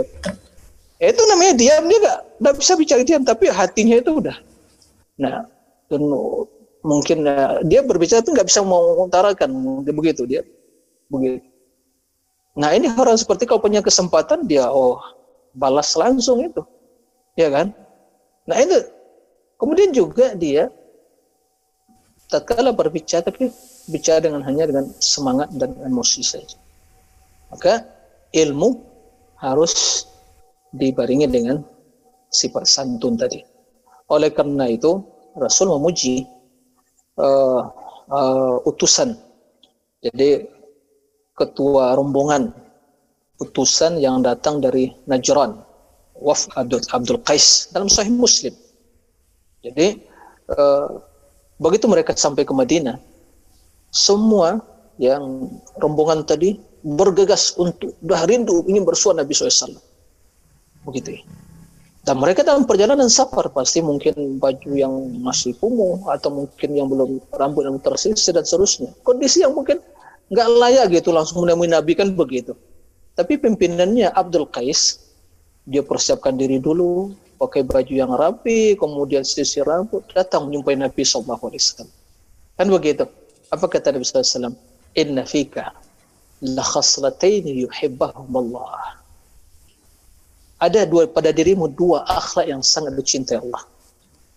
Ar-rifq wal hilm. Ar-rifq lemah lembut, wal hilm itu sama. Jadi dia nggak tergesa-gesa begitu langsung nggak. Dia persiapkan diri dulu. Iya, jangankan menghadapi ya, Nabi orang menghadapi orang biasa saja kita harus mempersiapkan diri kan begitu ya dengan sesuai dengan dia pakai wangian atau pakaian yang rapi menghadapi seorang apalagi Nabi SAW tapi karena kaumnya tidak sabar lagi udah ingin ketemu Nabi. Tapi dia ya artinya uh, apa namanya tidak tergesa-gesa. Ya terus dengan sikap kelembutan dia kesantunan dia dia persiapkan diri kemudian datang ke Nabi SAW sampai Nabi memuji beliau. Naam inna fika la khaslataini yuhibbuhum Allah arifq wal anat arifq itu lemah lembut al anat itu tidak tergesa-gesa nah ini yang harus dimiliki juga oleh seorang talibul ilmi Nah, itu sebenarnya tidak bertentangan. Maka ilmu butuh dalam menyampaikan al-haq butuh ilmu dan santun. Bicara. Nah, kalimat harus dipilih yang baik. Karena terkadang ilmu kita sampaikan tapi dengan kalimat yang kasar nggak jadi sampai. Nggak sampai. Ya, jadi buntu jadinya. Kekasaran kita tadi ke ya, misalnya ke sikap yang kasar, omongan yang yang kasar itu menjadi penghambat sampainya ilmu tadi. Tapi kalau dipilih kalimat-kalimat yang baik, Allah memerintahkan kul ibadil ladzina yaqulu ahsan kul katakan pada hambaku untuk mengatakan yang baik wa qulu qawlan sadida kan begitu. Jadi bagaimanapun kita menyampaikan kebenaran tidak perlu dengan emosi tapi dengan santun dengan kalimat yang baik maka itu akan lebih mudah diterima. Sebuah ungkapan bijak seorang ulama Hasan Al-Basri mengatakan innal kalam idza kharaja minal qalbi waqa'a fil qalbi. Sesungguhnya perkataan itu apabila keluar dari hati, lubuk hati yang dalam itu akan masuk ke dalam hati. Wah. Jadi bukan masuk telinga saja. Ya. Sekarang masuk telinga kanan kiri Karena kata perkataannya itu nggak keluar dari dari hati, dari mulut toh. Tapi kalau perkataan yang keluar dari hati itu kan perkataan yang disertai dengan kasih sayang, perkataan yang menginginkan kebaikan, kan begitu ya ketulusan. Nah ini yang harus sampaikan, yang perlu diperhatikan. Innal kalam idza kharaja minal qalbi waqa'a fil qalbi. Perkataan apabila keluar dari hati, maka akan masuk ke dalam hati. Demikian, Allah a'lam. Masih ada pertanyaan Ustaz. Eh, bagaimana nah. memahami perkataan adab sebelum ilmu? Karena kadang-kadang jika kita mengatakan kebenaran untuk mengkoreksi uh, kekeliruan, maka dikatakan justru kita tidak beradab katanya. Mengatakan apa tadi? Koreksi apa? Kan ada istilah adab sebelum ilmu. Uh, karena kadang-kadang jika kita mengatakan suatu kebenaran, mengungkapkan kebenaran untuk mengoreksi kekeliruan, kita dikatakan hmm. tidak beradab. Ah, taib. Jadi sebenarnya uh, jangan disalahpahami perkataan para ulama adab sebelum berilmu berarti uh, dalam perjalanan berilmu dan juga setelahnya tidak beradab bukan itu maksudnya. Nah, jadi memang adab dalam berilmu ini sebelum belajar dalam perjalanan kita belajar dan sampai setelah kita belajar untuk menyampaikan ilmu tadi semuanya dengan adab dan akhlak begitu dan uh, suatu kesalahan ya harus diperbaiki. Ya, kekeliruan harus disehati. Maka dalam hal ini cara menasehatinya harus dengan ilmu tadi. Dan harus dengan sopan santunnya, kalimat yang baik, kan begitu. Karena sebagaimana dikatakan Nabi SAW, antuhibba li akhik ma tuhibbu li Ini kacamatanya atau mungkin uh, kaca yang uh, cerminan yang harus cerminan yang harus kita cermin yang harus kita gunakan. Antuhibba li akhi ma tuhibbu li. Kemudian memilih perkataan yang terbaik. Ya kan? Memilih perkataan dan juga situasi yang pas. Kalau memberikan nasihat, ya jangan depan khalayak ramai. Kan begitu. Tapi pegang gandeng tangannya, ya empat mata. Dengan ungkapan yang baik, bukan langsung mem, apa namanya itu mem, memponis atau mungkin langsung ya uh, me, apa namanya itu menuduh atau dan seterusnya, tapi dengan ungkapan yang baik dan alangkah baiknya sebelumnya didahului dengan ungkapan yang baik sanjungan yang tidak berlebihan tentunya dan juga mendoakan kebaikan setelah itu baru. Jadi ada tahapan, ada pengantar seperti itu. Dan itu uh, hal yang sudah mujarab ya. Bila kita lakukan itu dengan mudah, omongan tadi, tadi diterima. Sehingga dengan seperti itu, memang seorang itu memang nasihat itu memang betul-betul muncul dari hatinya untuk kebaikan seorang tadi.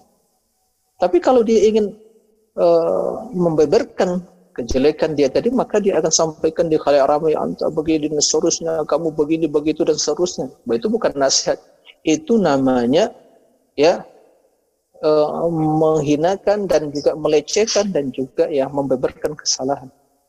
Nah jadi ya, seperti itu uh, apalagi seorang uh, murid kepada ustadznya ya atau temannya mungkin sejawat atau ya seangkatan dalam belajar begitu. Kepada guru para ustadz bagaimana menyampaikan. Ya jadi jangan di hadapan murid tadi. Bagaimanapun guru ustadz atau ya dosen kita pasti memiliki ya perasaan. Maka mungkin alangkah baik pertanyaan ya ustadz atau oh, mungkin oh, buya atau mungkin pak yai atau ya dosen dan seterusnya tadi saya mungkin mendengar begini tapi uh, saya pernah membaca ya pernyataan begini seorang ulama tentang masalah ini. Itu bagaimana menurut kan begitu ya? Jadi dia itu maksud kita yang menyampaikan tapi di sini oh iya oh iya ya nanti saya saya cross check lagi. Nah ini dia. Sehingga ya dia paham orang yang ilmu, uh, akademisi kan begitu orang yang membaca. Tapi kalau seandainya enggak ya Pak ya Ibu ya itu ya salah tadi begini dan seterusnya ya enggak benar seperti itu. Itu adab jelas. Loh kamu kemarin sore bahasa ngajar alif saja baru kemarin baru pandai ngaji sekarang udah kamu langsung kan begitu ya? Ya kan begitu. Uh, jadi ini yang uh, biasanya yang uh, terang yang terlupakan. Ada sebagian misalnya begitu dari awal mulai belajar masuk mondok masya Allah pak ustadznya pak iya yang membimbing dia sampai alif bata sa jim kan begitu. Sampai baca Al-Quran bisa baca kitab bisa. Begitu terkadang Allah beri nikmat karunia untuk belajar misalnya di luar negeri. Begitu pulangnya wah kesombongannya bertambah. Pertama yang dia tahdir yang dia kritiki ustadznya. Dah. Ya jangankan ya apa datang nelpon aja berkunjung aja. Jangankan berkunjung nelpon saja enggak gitu ya. Itu ada tipikal manusia seperti inilah. Masalah adab yang tidak diajarkan dari dini begitu. Nah ini pentingnya. Jadi adab tadi sebelum belajar dalam perjalanan belajar untuk ilmu setelah belajar karena ini adalah fase untuk menyampaikan ilmu tadi. Jadi fit tahammul wal adab dalam mencari ilmu dan sebelumnya mencari ilmu dan juga ada penyampaian ilmu tadi. Nah, demikian Allah. Uh, ada pertanyaan tentang sejauh mana mengumpulkan uang untuk kebutuhan masa depan seperti pendidikan anak, kendaraan, rumah itu tidak tergo apakah itu tidak tergolong menumpuk harta kekayaan? Masih ya. termasukkah itu zuhud? Iya, uh, tadi atau sebelumnya kita pernah sampaikan yang zuhud itu bukan berarti kita tidak memiliki dunia. Karena hidup di dunia yang harta adalah itu adalah tulang punggung kehidupan. Harta kan begitu. Maka kita jaga. Dan dalam prinsip Islam ekonomi adalah bagaimana kita bisa ya memanage kekayaan tadi. Kan begitu. Dan pandai membaca situasi dan kesempatan. Nah, kita hidup. Ya. Oh, mungkin ada bilang, kan akan mati semua. Ngapain kok gitu? Enggak. Perencanaan. Ya kan, kemudian juga uh, pengelolaan. Ya, penggunaan. Yang itu semua kan bagian dari ya uh, pemahaman seorang dalam memahami uh, kehidupan dan juga itu tidak bertentangan dengan syariat Islam tidak bertentangan dengan norma Islam. Bahkan kalau kita perhatikan bagaimana uh, sistem ekonomi dalam Islam bagaimana keuangan bagaimana mendapatkan bagaimana untuk mengatur dan seterusnya uh, pengelolaan dan seterusnya itu tidak ada masalah. Ya kita hidup ya kita tidak tahu ajal kapan tapi yang jelas kita mungkin punya anak punya keluarga. Tentunya ya seorang ingin hidup terhormat ya dia tinggalkan anaknya dalam keadaan cukup yang memberi kecukupan lebih baik daripada dia nanti miskin dan mungkin dia mau minta-minta kan begitu ya? Jadi kita harus memahami Islam ini secara secara komprehensif menyeluruh. Jadi tidak bertentangan. Nah karena kita ambil bagian kita untuk dunia dan jangan lupa akhirat. Seperti itu. Silakan tidak ada masalah.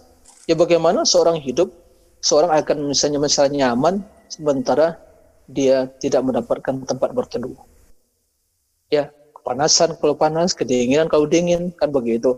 Bagaimana dia, akan bisa nyaman beribadah secara uh, fokus begitu maksimal kalau dia terus kelaparan, ya sulit untuk berdiri, berjalan kan begitu. Bagaimana dia mungkin ya uh, merasa mungkin nyaman karena ada keperluan dia mungkin ya keluarga yang keluarga besar untuk pergi pada mungkin berkunjung pada mungkin orang tua sama anak-anaknya ya kalau dia hanya sepeda, sepeda motor saja apa bisa membawa anaknya sepeda motor begitu? Ya kan? Dia butuh transportasi kan begitu. Maka dalam hadis sebutkan bahwa di antara kenikmatan dunia yang itu juga akan mendatangkan ketenangan dan kenikmatan bagi seorang adalah istri yang solihah, tempat tinggal yang luas dan juga mobil ya yang luas yang bisa dijadikan sebagai transportasi. Transportasi. Ini di antara kenikmatan. Nah, dan itu hal yang kebutuhan. Dalam hidup, kebutuhan itu kebutuhan. Nah, maka selama itu adalah untuk kebutuhan yang itu merupakan kebutuhan ya eh, primer dalam hidup ini, ya maka kita mengumpulkan dan berusaha untuk hal itu dengan juga menyisikan dari usaha dan juga ya kayak yang kita dapatkan berinfak bersedekah kan begitu, maka itu yang terbaik. Nah, hal yang keliru kalau semua yang kita dapatkan langsung diimpakkan semua. Memang kita iman kita tidak seperti imannya Abu Bakar kan begitu ya. Semua harta diimpakkan ke Allah. Apa yang kamu tinggalkan wahai Abu Bakar ya? Allah dan Rasulnya. Nah, kita ini apakah imannya seperti itu? Ya kan? Hmm. Akan timbul masalah. Jadi uh, Abu Bakar udah tingkat keimanannya udah luar biasa sehingga tidak ragu lagi dia ya yang apa di sisi lebih baik. Maka ini tidak bertentangan dengan ya makna kezuhudan konsep kezuhudan karena zuhud itu orang yang memiliki harta tapi lupa terhadap akhiratnya. Sehingga dia menjadi budak hartanya. Tapi orang yang memiliki harta di tangannya di genggaman tangannya tapi tidak masuk ke dalam hatinya. Sehingga harta tidak membuat dia lalai, harta tidak menipu dia, harta tidak menjerumuskan ke dalam maksiat dan dosa, tapi dia manfaatkan untuk akhirat dan kebutuhan hidupnya. Itulah sebenarnya kezuhudan. Nah, demikian Allah. Masya Allah. Ini Levi kayaknya keputus sinyalnya nih Ustaz. Saya gantiin dulu oh, ya. Oh gitu. Enggak apa. Enggak apa-apa. okay. apa-apa. Ada pertanyaan nih Ustaz. Titipan pertanyaan tentang adab menjadi guru, maksudnya guru di sekolah umum ya misalnya. Yeah. Yeah. Kan kadang-kadang kalau kita lihat itu murid-murid Muslim nah. uh, umumnya tuh nggak pede, uh, kayak inferior gitu dan dia nggak terlalu aktif dibandingin justru yang uh, non Muslim.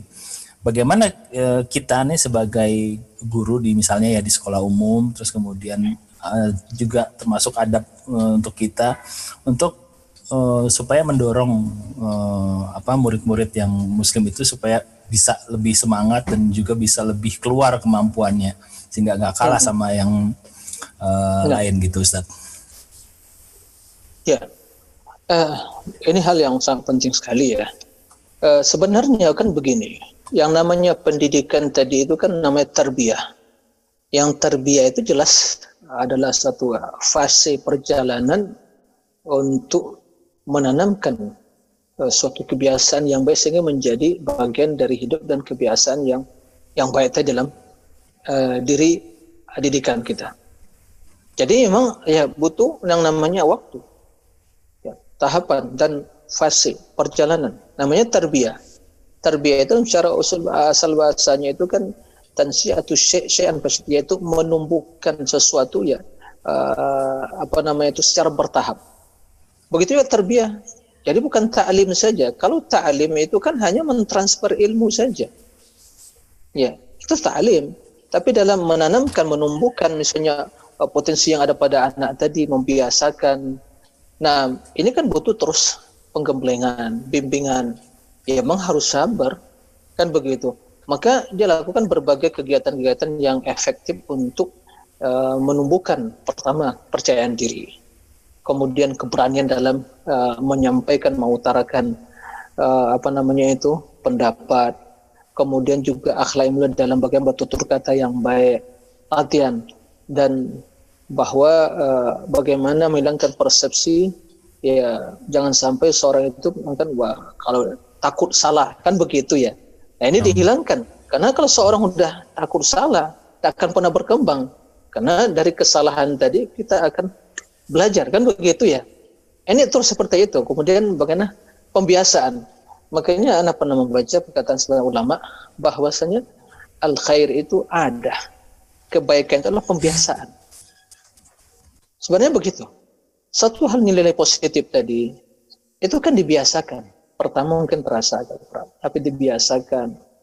Nah, jadi seperti itu. Jadi memang itulah yang terbiasa sesungguhnya tapi kalau hanya sudah mungkin transfer satu tambah satu dua atau mungkin ya teorinya begitu kan teori saya tapi kalau bagaimana secara implementasi prakteknya ini kan betul pembimbingan pendampingan. Nah ini yang mungkin harus perhatikan nah, sehingga digabungkan antara teori dengan praktik tadi. Nah ada begitu juga sebenarnya dalam konsep belajar kita Islam seperti itu. Ada teori ini tata cara sholatnya. Lalu dipraktekkan. Ya kan begitu? Nah, ini cara makhraj huruf tapi nanti dibacakan. Makanya uh, ada talaki dalam belajar tadi.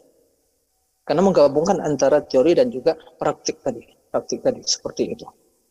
Nah, uh, alam. Tapi juga tentunya uh, saya bukannya praktisi atau apa mungkin pendidikan, tapi yang jelas uh, hal yang seperti ini tidak ada masalah kita mengambil hal-hal yang bermanfaat, teori-teori pendidikan yang secara umum bermanfaat. Karena berkaitan juga dengan masalah psikologis anak tadi. Itu dipelajari juga. Masalah istilah bahasa ilmu nafsi ya ilmu uh, psikologis tadi. Dan juga bagaimana dia bisa membaca dan juga mengetahui dan menumbuhkan ya keberanian.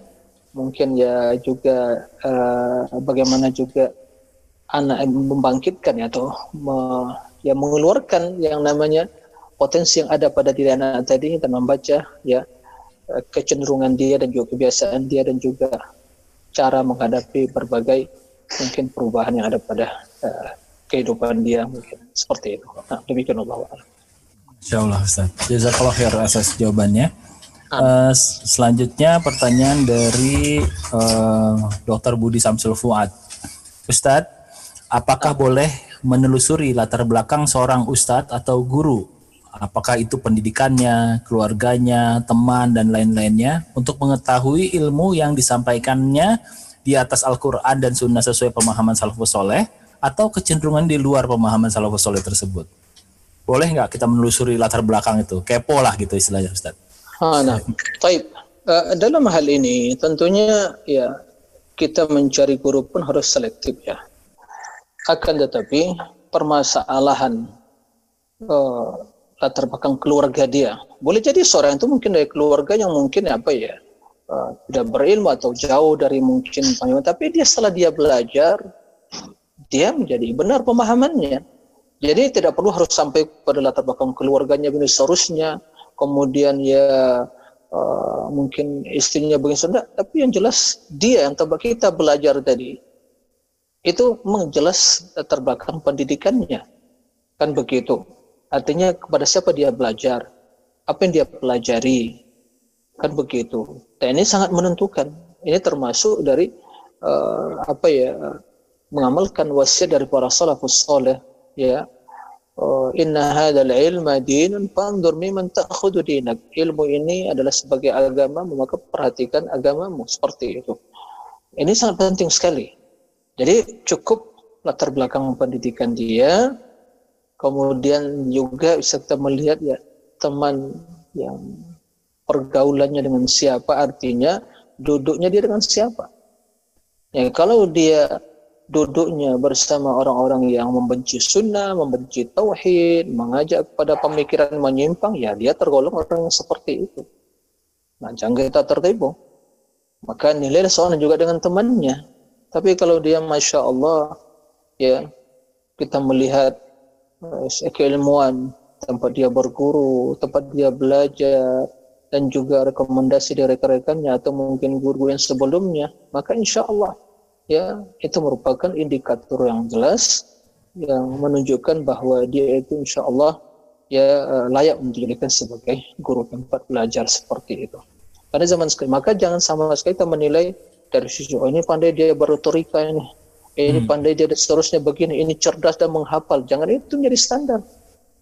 Karena hafal itu ya uh, tidak menjamin kalau pemahaman keliru. Karena retorika itu tidak menjamin kalau ya seperti pemahamannya keliru. Hmm. Kalau bicara masya Allah, buat orang menangis atau buat orang yang masya Allah terkesima, tapi macam-macam pemahamannya sampai pun nggak tahu di mana Allah nggak tahu dia. Ya ini gimana ya kan? Ya. Uh, fitrah, dia berusaha mengingkari fitrah dia. Nah, ini kan dah nyeleneh itu. Hal seperti itu ya nggak pantas. Orang kita belajar ilmu tapi nggak tahu dia di mana Allah Rob ya yang diibadati Pantaskah dia ambil ilmu dari dia? Pantas akan menyesatkan seseorang. Ya, seperti itu. Nah, ini yang harus diperhatikan. Maka ambillah dari uh, guru yang memahami akidah sunnah, pemahaman yang benar, ya, manhaj yang benar, dan jangan tertipu dengan keahlian dalam berbicara. Hmm. Disebutkan dalam sebagian uh, biografi itu tokoh-tokoh ahlul bid'ah kaum mu'tazilah ya itu ternyata seperti Jaham. Jaham bin Sofwan itu, Jaham, tahu ya Jaham bin Sofwan? Ini sedikit cerita ini masalah uh, sejarah karena ini juga berkaitan dengan masalah akidah yang lagi viral sekarang ini kan lagi dipiralkan sekarang ini. Ya. Jadi Jaham bin Sofwan ini yang mengusung ya pemikiran uh, pengingkaran terhadap sifat tadi yang dia mengadopsi mengambil dari pemikiran Ja'ad bin Dirham. Nah, Ja'ad bin Dirham. Nah, Jaham bin Sofwan ini itu ternyata orangnya apa? Cerdas dan fasihul lisan. Hmm. Orang ya orator dia itu. Nah. Tapi laisa lahu ilm ya dan juga dia ilmu tentang sunnah tentang akidah ini ya itu yang tidak dia miliki dia tidak duduk pada majelis ilmu ulama hadis begitu duduk dengan orang-orang yang terkontaminasi dengan pemikiran filsafat tadi. Hmm. Padahal jaham sotil alimul lisan, fasihul lisan. Itu yang membuat orang banyak tertipu dengan teori-teori Jahmiyah tadi sampai mengingkari sifat dan yang lainnya. Nah, seperti itu. Maka diperingatkan para ulama. Sampai fasihul lisan. Nah, banyak zaman sekarang ini orang yang mengusung pemikiran Jahmiyah tadi. Dia fasihul lisan pandai bicara, ngomong. Hmm. Ya, sampai mengingkari sifat-sifat Allah tadi. Seperti itu ya. Itu Jahmiyah, bukan ahli sunnah. Ya. Maka kalau ada orang mengingkari Allah di atas langit, alal arsistawa, itu Jahmiyah itu, bukan ahli hmm. sunnah. Hmm. Seperti itu. Pemikiran Jahmiyah itu, Mu'attilah. Pada hmm. kelangan Mu'tazila atau Asyairah atau Maturidiyah dan yang lain-lainnya. Hmm. Itu adalah Mujahmiyah. Ya dan maka tatkala menamakan dia sebagai ahli sunnah itu sebagai usaha untuk mengelabui. Dan itu jelas hmm. uh, hal yang tidak benar. Itu jahmiyah. Mana ada ahli sunnah yang mengikuti rasul sahabat tabiin yang imam yang empat tadi?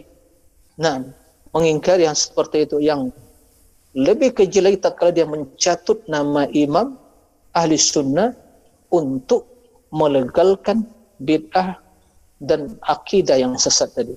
Jatuhlah nama Imam Syafi'i. Hmm. Ya, Imam Syafi'i akidahnya ini tidak main subhanallah. Jadi kalau kalau itu Imam Syafi'i masih hidup zaman sekarang ini, ini akan diperkarakan Imam Syafi'i. Hmm, ya, diperkarakan Imam Syafi'i.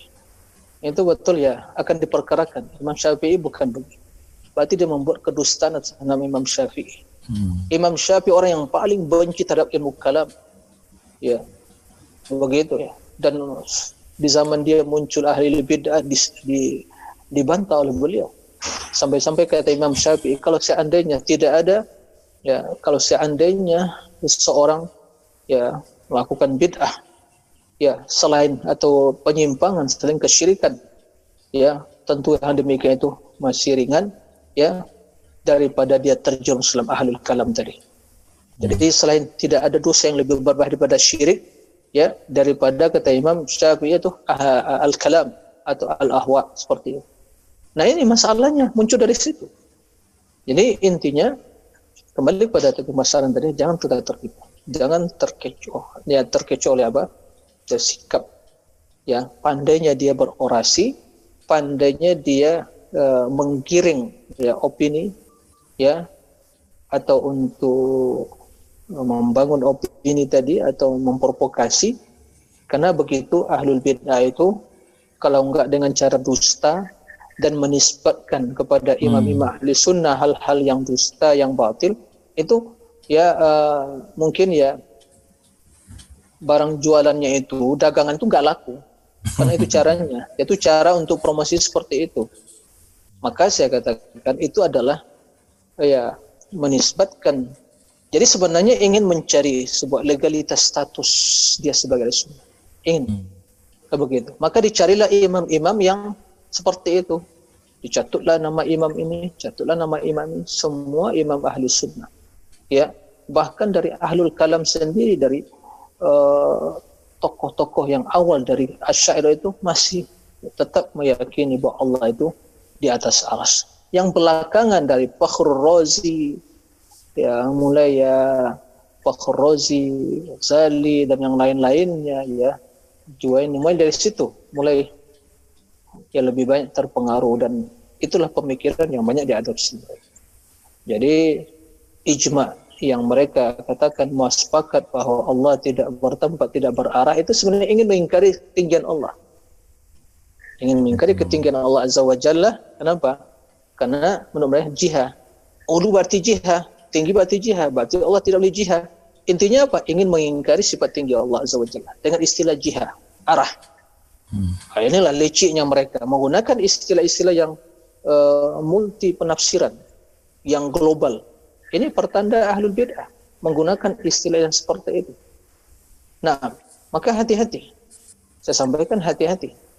Hmm. Ini merupakan cara mereka menebarkan pemikiran-pemikiran kaum Jahmiyah di zaman sekarang ini yang mengingkari sifat ketinggian Allah Azza wa Jalla. Subhanallah. Nah, jadi intinya waspada, jangan tertipu dengan fasih. Karena Jaham bin Safwan lebih fasih dari mereka sekarang ini. Hmm. Jaham bin Safwan lebih pintar bicaranya daripada mereka sekarang ini. Wasil bin Atta, tokoh sentral Mu'tazilah lebih hebat berbicara. Ya, seperti itu sampai dalam sebagian khutbahnya bisa dia berbicara dengan kalimat bahasa Arab tanpa menggunakan huruf ro. Hmm. Gimana itu? Bisa enggak karena, gitu? Karena dia cadel ya Ustaz kalau nggak salah ya. Nah, yang penting yang penting dia itu mampu.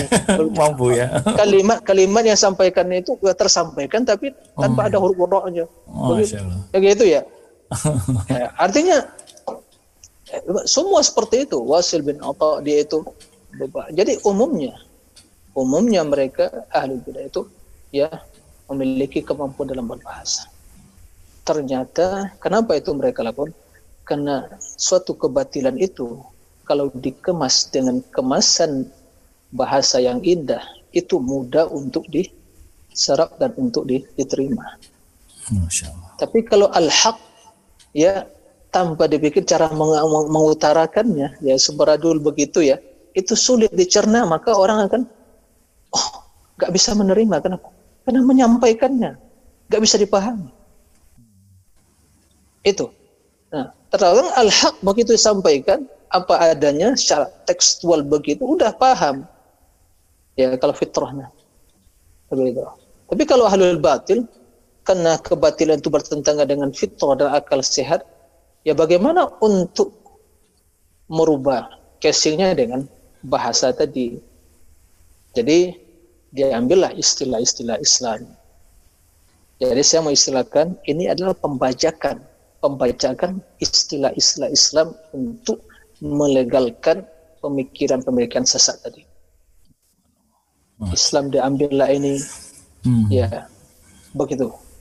Jadi ini harus diperhatikan Nampaklah ahli sunnah wal jamaah, tapi akidahnya bertentangan ahli sunnah wal jamaah kan gitu ya. Hmm, hmm. Nah, seperti itu. Nah, Ustadz, bagaimana sikap kita sebagai orang awam dan penuntut ilmu melihat uh, hal tersebut di media-media sosial utamanya? Karena sering kali ya. kita uh, gemes, jadi ikut terlibat oh. dalam perdebatan-perdebatan yang akhirnya malah ya. memperburuk suasana gitu apakah membiarkan biar aja ahli ilmu yang berdebat atau ahli ilmu yang ini uh, kita nah, uh, belajar aja atau gimana Ustaz? Sikap kita adalah jangan ikut meng-share. Hmm. Kemudian biarkan yang mengkritik ya orang yang paham ilmu seperti itu. Karena kalau kita komentari kita punya ilmunya nggak paham semasalahnya lah menambah dan terkadang kalau kita share ke grup kita lihat nih begitu sesatnya mereka. Bahkan kita ikut men-share gitu ya. Sesat udah dikuburkan aja kesesatan itu, jangan di-share lagi kan gitu ya. Jadi diputus mata rantai itu, jangan di-share. Jangan di, uh, di ke mana uh, grup dan seterusnya. Cukup ya kalau yang membantah ya dengan ilmiah. Ustadz yang paham atau mungkin seorang ya ahli ilmu yang paham. Kalau kita ya karena pada dasarnya tidak ada nilai perkataan ahli batil itu. Ya kesesatan apa nilainya nggak ada. Kenapa kita harus ya apa misalnya mengotori pendengaran kita dengan perkataan-perkataan yang batil ini? Masya Allah. Ya begitu. Dan hati kita lemah. Jangankan perkataan yang batil. Al-Quran dan hadisnya yang ingin disampaikan ahlul batil. Dahulu para ulama salaf sampai menutup telinga. Ya, enggak enggak saya akan bacakan padamu ayat enggak. Dia yang menyampaikannya ahlul bid'ah. Mu'tazilah. Sampai diperintahkan pada anaknya tutup telinga kalian. Padahal yang disampaikan dia, nah saya ingin membacakan pada satu ayat atau hadis enggak. Kenapa? Karena boleh jadi satu hadis tadi di situ dia memasukkan racun-racun syubhat. Hati kita lemah. Begitu. Ditutup. Wahai anakku, ghatti udunak, tutup telingamu. Begitu para ulama salaf dulu mewanti-wanti dan juga yang memperingatkan anak jangan sampai mendengar perkataan ahlul batil. Karena hati kita lemah. Kata Imam Imam Al-Zahabi, Asyubuhat qawiyah wal qulub da'if. Syubuhat itu sangat kuat, menyambar. Gitu. Dan hati lemah sekali, nggak kuat menahannya. Ini bahaya mendengar perkataan-perkataan yang syubuhat tadi. Ya. Kecuali kalau seorang yang membantah, dia paham, ya ini memang rananya dia. Tapi kalau yang hanya ikut asyik mendengarkan atau mungkin oh iya ya apa kata dia padahal ya mendengarkan subuh-subuh tadi jangan maka sampai juga kalaupun ulama pun diajak berdebat oleh orang-orang yang seperti ahlul bid'ah tadi sampai mereka menolak bukan mereka tidak mampu untuk meladeni dan juga untuk berdiskusi berdebat ya tapi kata Imam Al Hasan Al Basri ada seorang datang ke Hasan Al Basri Imam Hasan Al Basri wahai Imam uridu an ujadilaka saya ingin berdebat denganmu. Kata Imam Hasan Al Basri idhab anta pergilah kamu sana ini kot alim tu dini. Saya telah yakin dan paham dan mengetahui agama saya.